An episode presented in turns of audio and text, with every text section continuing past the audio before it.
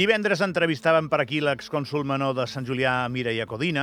Ho van fer per saber la seva opinió sobre el fet que la nova majoria encapçalada per Sarni Cairat hagi borrat del mapa algunes iniciatives previstes per la majoria anterior.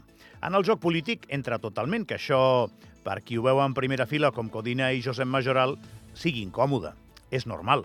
Ja ens ho va dir a l'entrevista que li van fer. No vaig per aquí.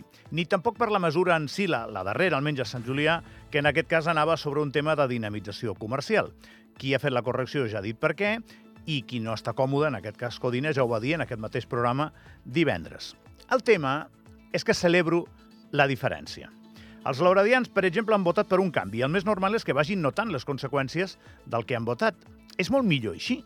La darrera campanya de les comunals va ser d'un ensupiment terrible. Gairebé tothom jugava al 0-0 i, tret d'alguns exemples, les propostes per aconseguir el vot eren molt semblants, en alguns casos idèntiques, per jugar al 0-0 també. Per tant, es pot pressuposar que només eh, hi ha una manera de treballar pel benestar dels ciutadans i sobre ella pots anar fent minúscules modificacions. Això es podia pensar de la darrera campanya. Si això és així, què n'hem fet de la política? O és que la tenim tan denostada entre tots que ja els mateixos polítics han acordat no fer política? Per tant, qui ha guanyat les eleccions ha de governar i prendre decisions, i encertar i cometre errors, que per això li han donat la confiança als ciutadans, com s'ha fet tota la vida.